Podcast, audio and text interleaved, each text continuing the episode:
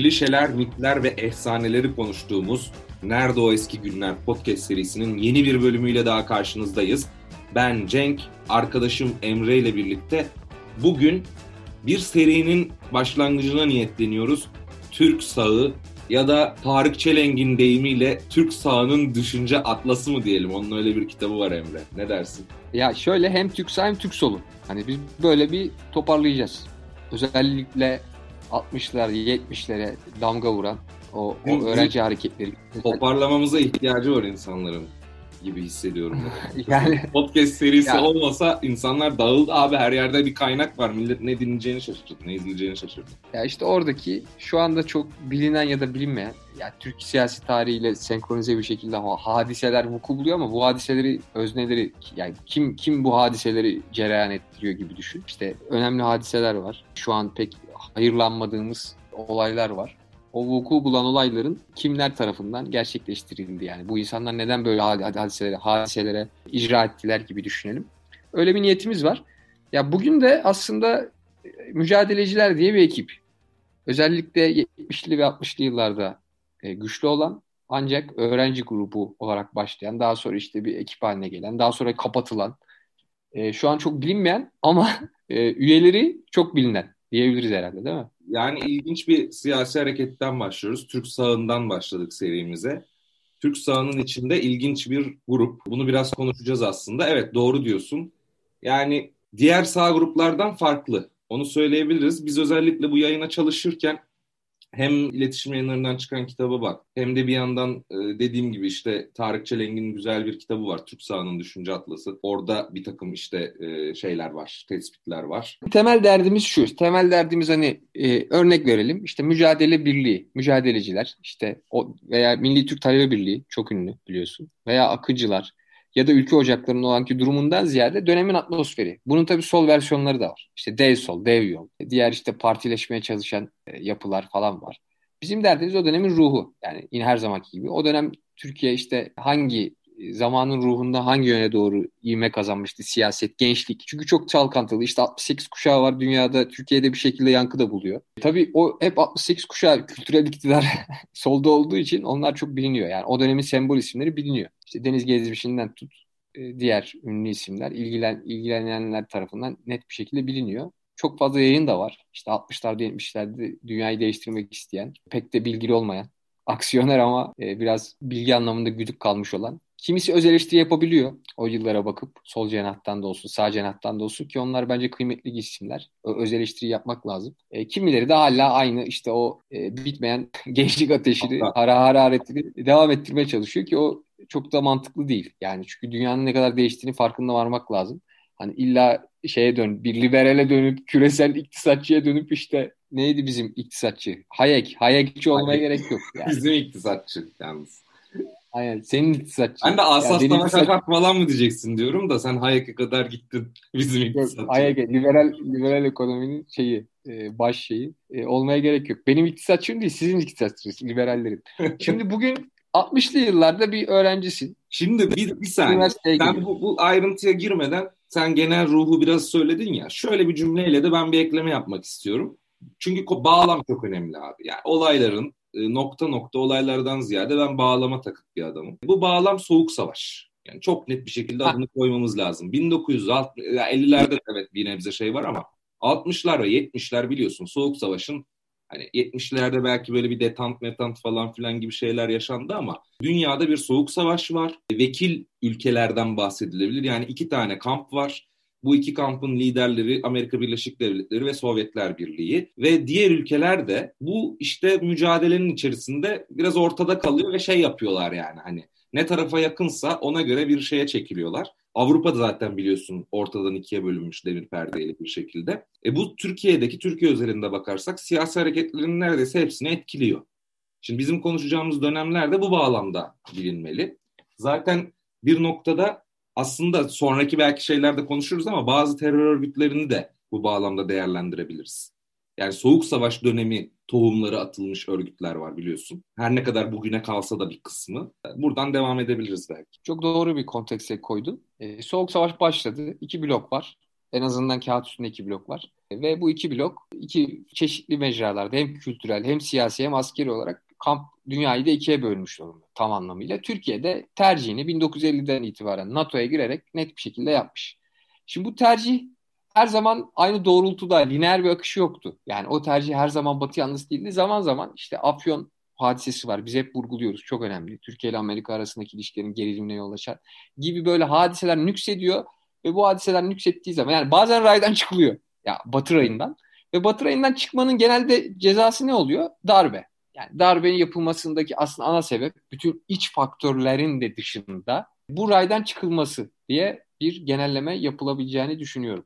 Şimdi 60 darbesi, 71 ve 80. Bu darbelerin hepsi hemen hemen işte o Batı'nın Amerika'da diyebilirsin buna empoze etmek istediği şeydi. Çerçeveye tam oturmayan bir Türkiye vardı. E, dünyanın zaten dört bir yanında darbe yapıyorlar. Yani Doğru. sadece Türkiye Latin Amerika bunun en önde gelen örneklerinden zaten. Bizim çevre ülkelerde öyle. Yani 1958 Irak'ta var ya bir sürü darbe. Şimdi tek tek saymayayım. Pakistan, Irak, İran'daki 79 dönüşümü falan filan. Neyse yani çok uzatmayalım.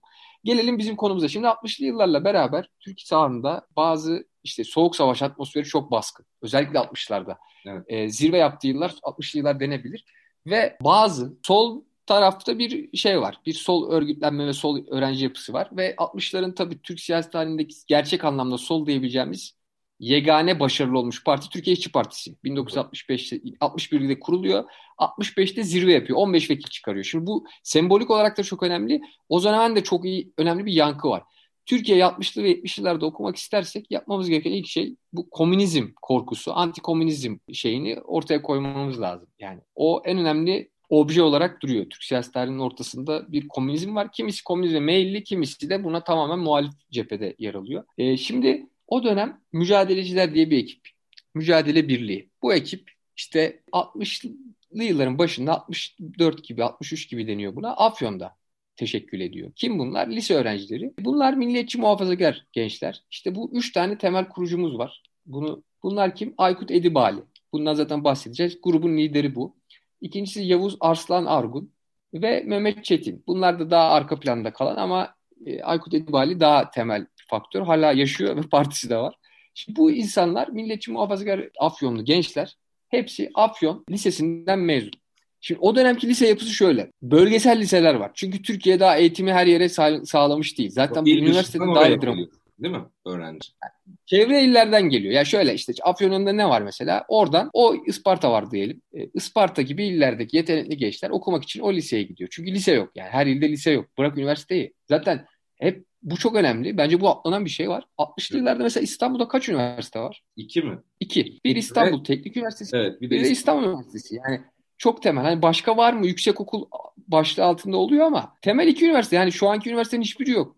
Yani yüksek okul adı altında bazı üniversiteler var ama okumaya gelen gençler buraya geliyorlar. Ankara'da kaç tane var? Mesela Ankara Üniversitesi var. ODTÜ var. Başka yok. ODTÜ'nün tam tarihini yani, hatırlayamadım şu an ama. Diğer yerler, diğer büyük illerde zaten üniversite falan da yok yani. O yüzden üniversiteye hani gitmek hem zor hem gittikten sonrası kolay. Yani belli şeylere ulaşmak açısından daha kolay. Rekabet çok daha az falan filan. Neyse. Şimdi bu gençler Afyon'da e, bir ekip oluşuyor ve nereden besleniyorlar? Milliyetçi muhafazakar cenattan besleniyorlar. O klasiktir. İşte Cevat Rıfat Atil, Cevat Rıfat Atilhan var. Çok ünlü. O 40'lı yılların o biliyorsun tabutluk olayları falan var. Biz bunlara değinmiştik. E, 45'li evet. 45 Nihal Atsız'ın işte Cevat Rıfat Atilla'nın bu Tarkan'ın Popstar Tarkan'ın biliyorsun şeyi var. Dedesi. Bir de Tevetoğlu var. Tam dedesi. İşin ilginç tarafı öz dedesi. Yani çok ilginç bir hikaye aslında o da. Fethi de Tevetoğlu. Yani adam Fethi Tevetoğlu işte Komünizmle Mücadele Derneği'nin de kurucusu. Ve çok önemli, çok ilginç bir hikaye. Yani adam popstar falan ama Türkiye'nin belki gel, gelmiş geçmiş en ünlü şarkıcısının dedesi bir anti komünist, ya komünist avcısı diyebileceğimiz bir adam yani. Tam böyle o dönemki devlet yapısının şeyi tecessüm etmiş hali gibi böyle somutlaşmış bir resmi gibi. Tabii Türk devleti tercihini çok net bir şekilde Amerika ve Batı bloğundan yana yaptığı için her zaman hemen hemen istisnalar olsa da dönem dönem belki yani istisna demeyelim de gevşeme ve norm gevşeme diyelim ya da hafif, hafif yani şey dozun azalması diyelim her zaman antikomünist Türk devlet evet. geleneksel yapısı. Yani 60 70'lerde tartışmasız e, bir şekilde böyleydi. Ve bu yapı daha sonra işte bu mücadeleciler de daha sonra hepsi bu Afyon Lisesi'nden çıkan çocuklar İstanbul'a geliyorlar okumaya genel olarak. Ve İstanbul hukuku kazanıyorlar genel olarak. İstanbul'a geliyor hukuk. İstanbul hukukta öğrenci oluyorlar. Ve Buraya geldiklerinde de işte nerede kalıyorlar? Afyon Talebe Yurdu'nda kalıyorlar. Yani sonuçta kendi topraklarından insanlarla beraber yetişiyorlar ve bir şekilde bu e, mücadeleciler teşekkür ediyor. Mücadelecilerin bu arada resmi kuruluşu 1967'de Konya'da oldu. Yani Ama daha Konya erken değil mi? Tabii yani yapının resmileştiği tarihi ben söyledim. Hani mücadele birliği diye bir yapı oluşuyor ama bu yapı hani ne dediğim gibi yine İslamcı ve Türkçü bu değişecek dozları. Hani bir laf vardır ya Tanrı Dağı mı Hira Dağı mı? Aslında evet Türkçe, evet. Kilem. Dağındaki en büyük kilem bu. Tanrı Dağı'na mı yakınsın? Hira Dağı'na mı yakınsın? İşte bu değişiyor. Yapılarda da bu değişiyor. Yani bazı yapılar bazen daha Türkçü bir damar yakalıyor. Bazı yapılar daha İslamcı bir damar yakalıyor. E, bu mücadele birliği için de geçerli. İlk başladığında daha farklı bir yapıyken daha sonra evrilecek. Daha böyle Türkçü bir yapıya doğru evrilecek. Böyle enteresan bir şey var. Tabii ilk kurulan değerler şu 67'indeki birliğin e, şeyinde kuruluş şeyinde şunlar var. En önemli ön plana çıkan antikomünizm, antisiyonizm, antikapitalizm ve milli değerlerin çok fazla şey olduğu, altı çizildiği bir e, yapı var. E, hemen şunu söyleyeyim. E, bu yapı mücadele birliği e, tabii o dönem Milli Türk Talebe Birliği 65'ten itibaren sağcı ve milliyetçi muhafazakar bir yapıya bürünüyor. Bu arada 65'ten önce tamamen solcu. Milli, milli, milli, milli Talebe. Talebe Birliği o değil. Solcudan kasıt ama şey burada. Ha, solcu dedim yani şöyle diyeyim. Sosyalist ee, değil de hani Sosyalist değil doğru diyorsun. Seküler diyebiliriz. Biraz daha seküler. Benim yani sol Kemalist diyebiliriz. Kemalist diyelim. Evet. Kemalist yani. Sol Kemalist. Yani Türkiye'deki o yapı gibi düşünelim. Kemalist diyelim.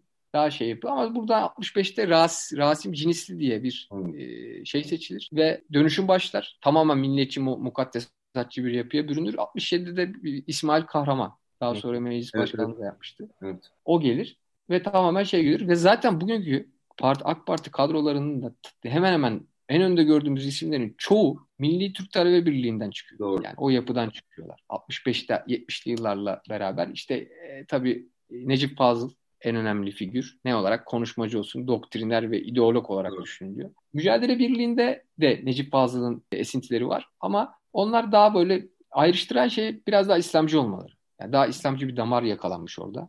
Ee, diğer gruplardan mesela o dönem işte palazlanan ülke ocaklarını düşün 60'ların sonu 70'lerin başında. Evet. E, zaten orada bir devir teslimi olacak. Ona da bahsedeceğim. Ülke ocaklarından ve diğer yapılardan farklı olarak daha İslamcı bir damar olarak Anadolu'nun gençleri. Bu çocukların genelde babaları esnaf ve çok varlıklı tipler değil, çiftçi.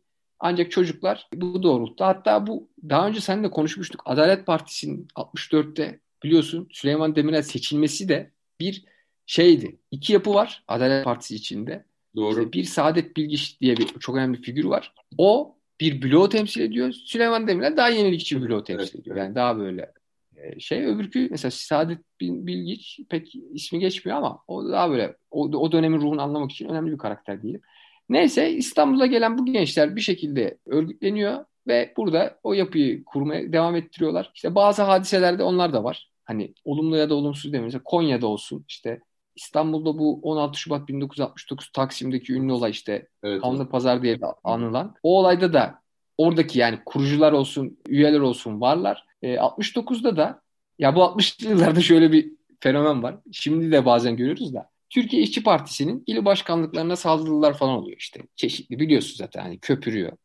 E, genelde yalan e, bir propaganda ile bir, bir şey bahane ediliyor ve bir şekilde işte tipin il başkanlıklarına saldırılır. TÖS var bir de o zaman Türkiye Öğretmenler Sendikası, evet, solcu bir sendika. Evet. Oraya da mesela saldırılar olur. Şöyle bir şey oluyor. 69'daki önemli şey olan şu. Kayseri'de il başkanlığına saldırılıyor ve ardından bu üst üste gelen işte Kayseri olsun ve birkaç şiddet olayı daha var. Genel olarak bu arada şiddete uzak bir yapı bu. Uzak, Ama hani ben onu diyecektim. Yani diğer grupların içerisinde daha uzak kalıyorlar şiddete. Tabii. O saldırılar da biraz onu şey yapmak lazım, ayrıntılandırmak lazım, detaylandırmak lazım o nedenle. O saldırıların kapsamı daha çok şey. İşte o birkaç ya orada hani çok fazla komploya da girmeyelim ama genel olarak işte gidip zarar verme yani mala zarar verme gibi e, şey yapalım.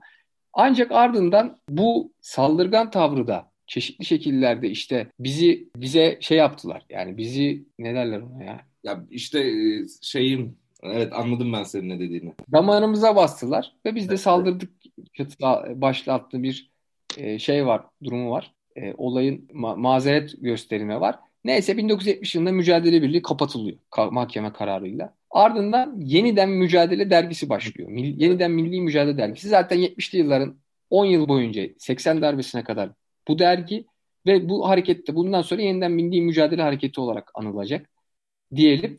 70'li yıllar şöyle diyelim bu grubun en güçlü olduğu yıllar 68-71 arası denebilir. 70'li yıllarda gücü gittikçe azalacak ancak o dönemin ruhunu anlamak için önemli bir e, yapı diyelim, birlik diyelim. Şimdi ben bir iki notum var benim bu söylediklerin üzerine.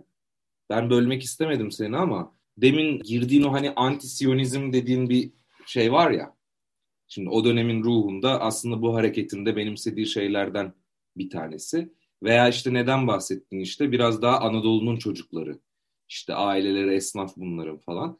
Şimdi bunları şöyle bir, birincisi bu benim notum. Ee, şunu söyleyebiliriz. Şimdi o dönem Türkiye düşünce tarihinde Doktor Ziya Uygur diye bir kişiden bahsediliyor. Denk geldin mi bilmiyorum okurken. Ben bir bakarken denk geldim. Bu emekli bir asker Ziya Uygur. Hatta sanırım Bursa Işıklar Asker Lisesi'nden mezun. Yanlışım olmasın ama. Yüzbaşılıktan sonra da benim gördüğüm kadarıyla adam istifa ediyor askeriyeden. Şimdi bu Ziya Uygur'un e, bu Siyon protokolleri. Şimdi biz bu tür yayınlar da yapacağız aslında biliyorsun hani işte bu çok konuşulan şeyler rağbet de görüyorlar ama şimdi Türkiye'de bu Siyon protokolleri denen bir şey meşhur oluyor. Yani bu, bunları çeviriyor bu adam. Aslında şimdi bizim işte e, e, şey yaptığımız, beslendiğimiz kaynaklar, okuduğumuz veya dinlediğimiz kaynaklarda şöyle ifadeler var.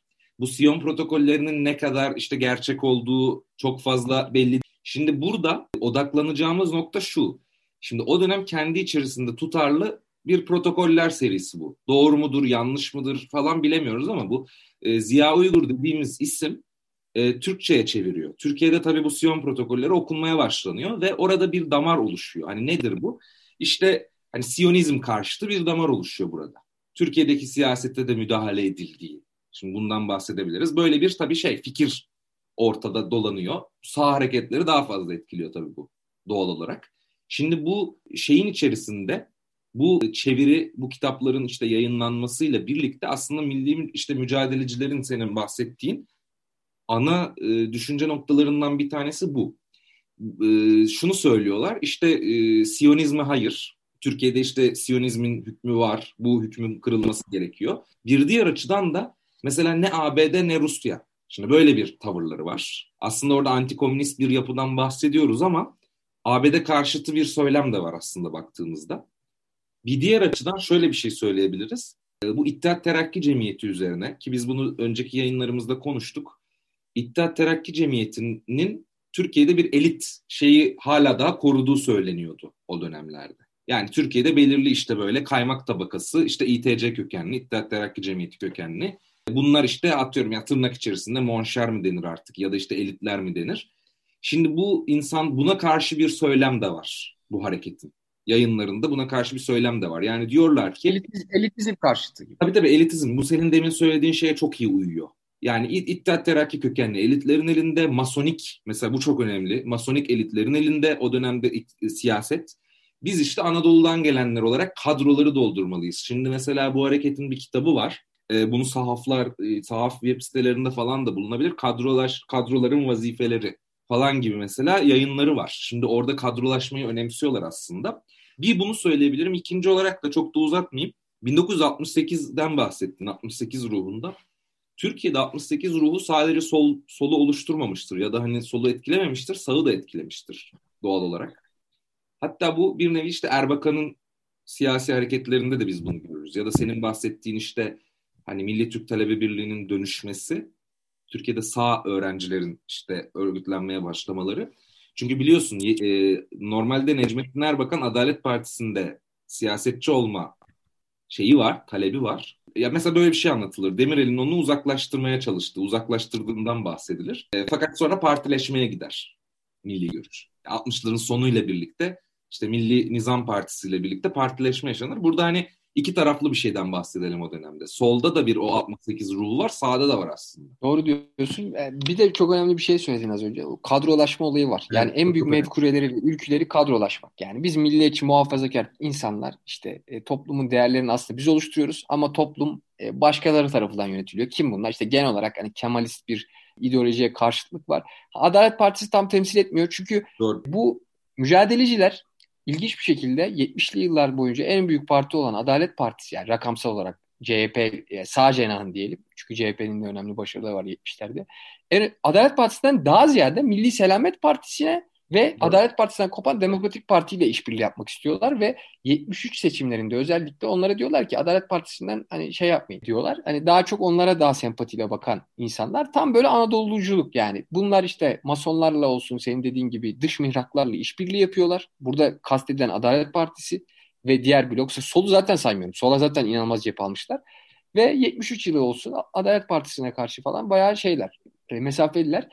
Gerçi 77 seçimlerinde bir değişim oluyor. Bu zaten e, Türk siyasi tarihinin hem sağ hem solda hep olan bir şeydir. İki tane vekil çıkartıyorlar mücadele. Ya öyle deniyor. Mücadeleciler Adalet Partisi ile o dönem için işte bir nevi ateşkes diyelim ona yapıyorlar. İlk yani ilk vekil verdikleri partinin Adalet Partisi olduğu söylenir. 77 seçimlerinde. Şimdi dediğimiz gibi Anadolu'dan gelen gençler bir şekilde İstanbul'da, işte Ankara'da örgütlendiler. Önemli yerler var. Mesela işte Afyon'dan bahsettik, Konya'dan bahsettik, Kayseri'den bahsettik. Buralarda şey yapıyorlar. Yani buralarda bir damarları var. Ve buradan gelen gençler bu birliğin içinde yer alıyor.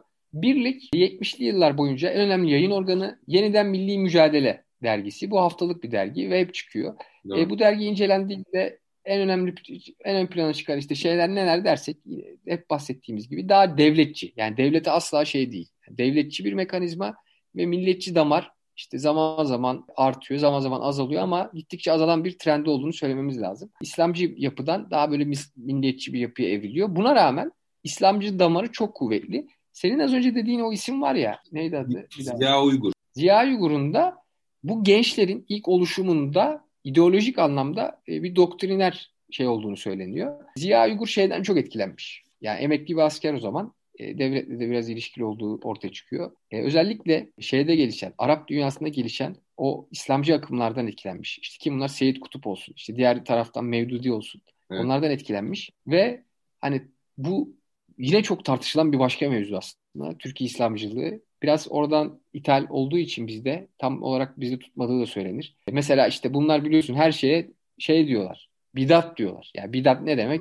Daha böyle e, tasavvuf gibi örnek veriyorum. Hani Türkiye'nin geleneklerinde olan yapıla şeylere karşı, görenek, geleneklere karşı çok mesafeliler. E, o akımlar hala devam ediyor biliyorsun yani. Doğru, O, çeşitli biçimlerde yani çeşitli formlarda devam eder. Böyle bir durum var. E, yani bu özetlemek gerekirse 80'den sonra zaten kapanıyor. Şöyle bir şey oluyor. Peki 80'den sonra ne oluyor? Bu adamlar kaybolmuyor. Ama gittikçe gel- erozyona uğruyor. Şey, bir kısaca şeyi söyleyeceğim. Bu demin hani yarıda kaldı şeyi o Sion şeyini, Sion protokolleri. Bir cümleyle şunu söyleyelim. Bu Sion liderlerinin e, işte bir kısım Yahudi liderler tarafından hani dünya üzerinde Yahudi hakimiyeti altında tek bir devlet kurma hayalleriyle hazırlanmış bir program olarak ifade ediliyor.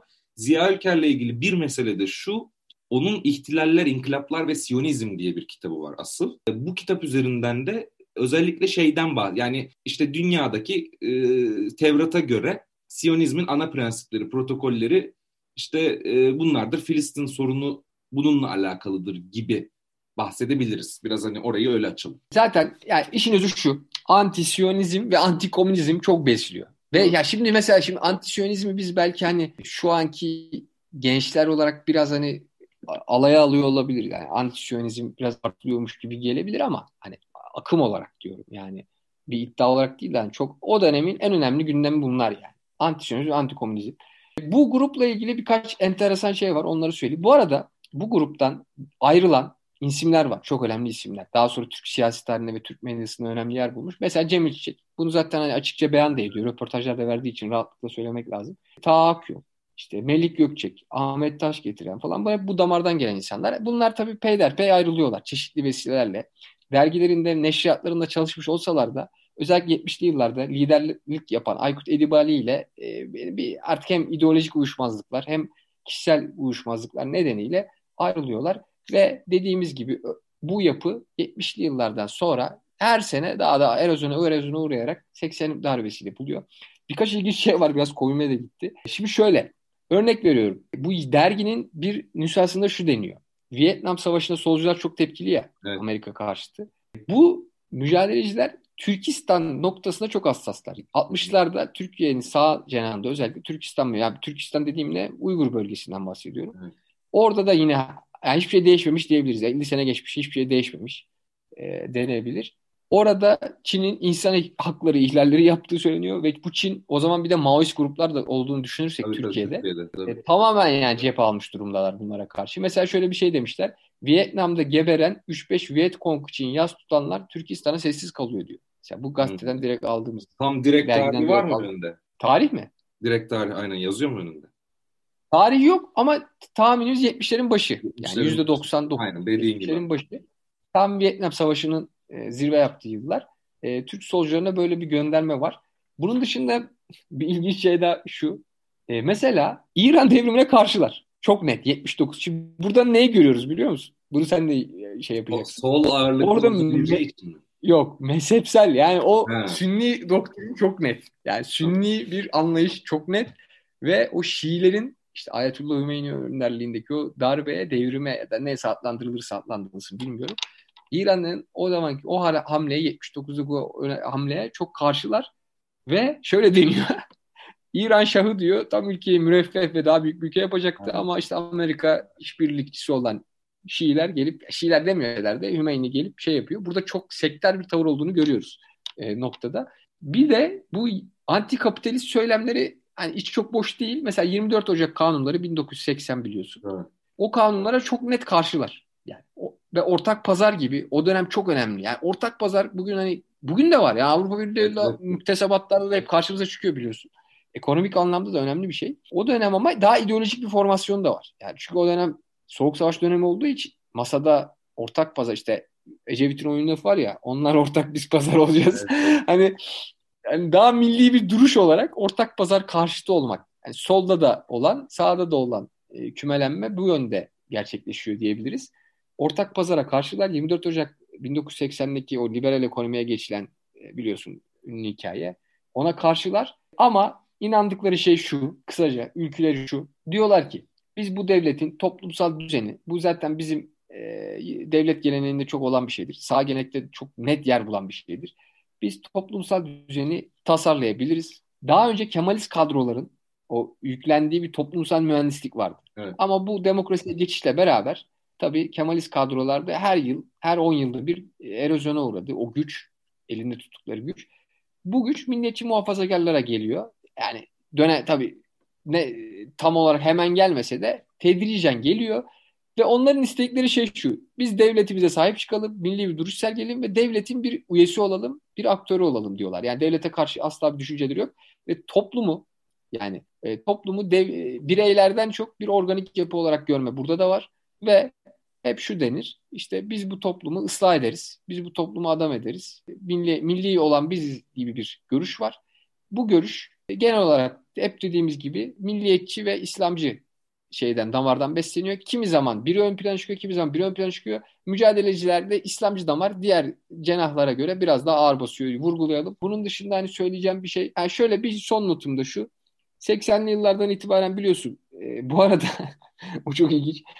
Bu Aykut Edibali yaşıyor. E, 80'li yıllardan sonra bir parti kuruyorlar. Islahatçı Demokrasi Partisi. O parti tabii tutmuyor. Birkaç 91 seçimlerinde sağ cenahla bir işbirliği falan var ama sonra Millet Partisi'ne dönüyor. Millet Partisi diye şu an bir parti var. Ben bilmiyordum. Ve Aykut Edeval onun başkanlığını yapıyor galiba hala. E, tabii çok silik ve etkisiz bir parti e, diyelim. Ama ha, fikri olarak evet. ne?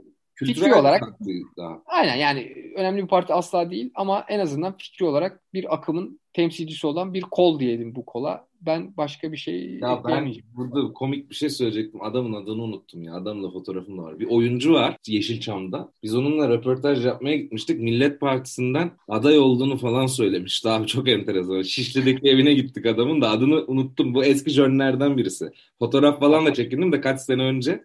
Yeşilçam Yıldızı mı? Yeşilçam Yıldızlarından birisi. Adam artık evinde işte oturuyor diyor ki Millet Partisi'yle biz şunu başaracağız bunu başaracağız falan diyordu. Şaşırmıştım ne alaka falan diye. Yani de adamın adını da söylesem e, şey oldu. Ünlü mü? Sonraki yayında anlatırız. Şimdi Ünlü tamam mi? bu, bu arada süremizin sonuna geldik Emre. Çok aş, aşıyoruz ama ben bir, bir nokta bir şey söyleyeceğim. Özal zamanında biliyorsun bir kadrolaşma gibi bir şey başladı bu hareketin. Yavuz Arslan Argun'un Turgut Özal'la işte Turgut Özal'ın ondan ya ben hani çok yalnızım kadro lazım gibisinden bir talebi olduğu söylenir. Orada bir hatta Cemil Çiçekler'in falan işte o zamanlar görünür hale geldikleri söylenir. Ben sadece kendi hatırladığım bir şey söyleyeceğim o da Bir tanesi 2009 yerel seçimlerinde Melik Gökçek'in adaylığı çok gecikmişti. Yani hatırlıyor musun bilmiyorum. Melik Gökçek aday göstermek istenmiyordu aslında. Fakat o da direniyordu. İlk isim şuydu. Cemil Çiçek e, Ankara'da Büyükşehir Belediye Başkanı adayı olacak.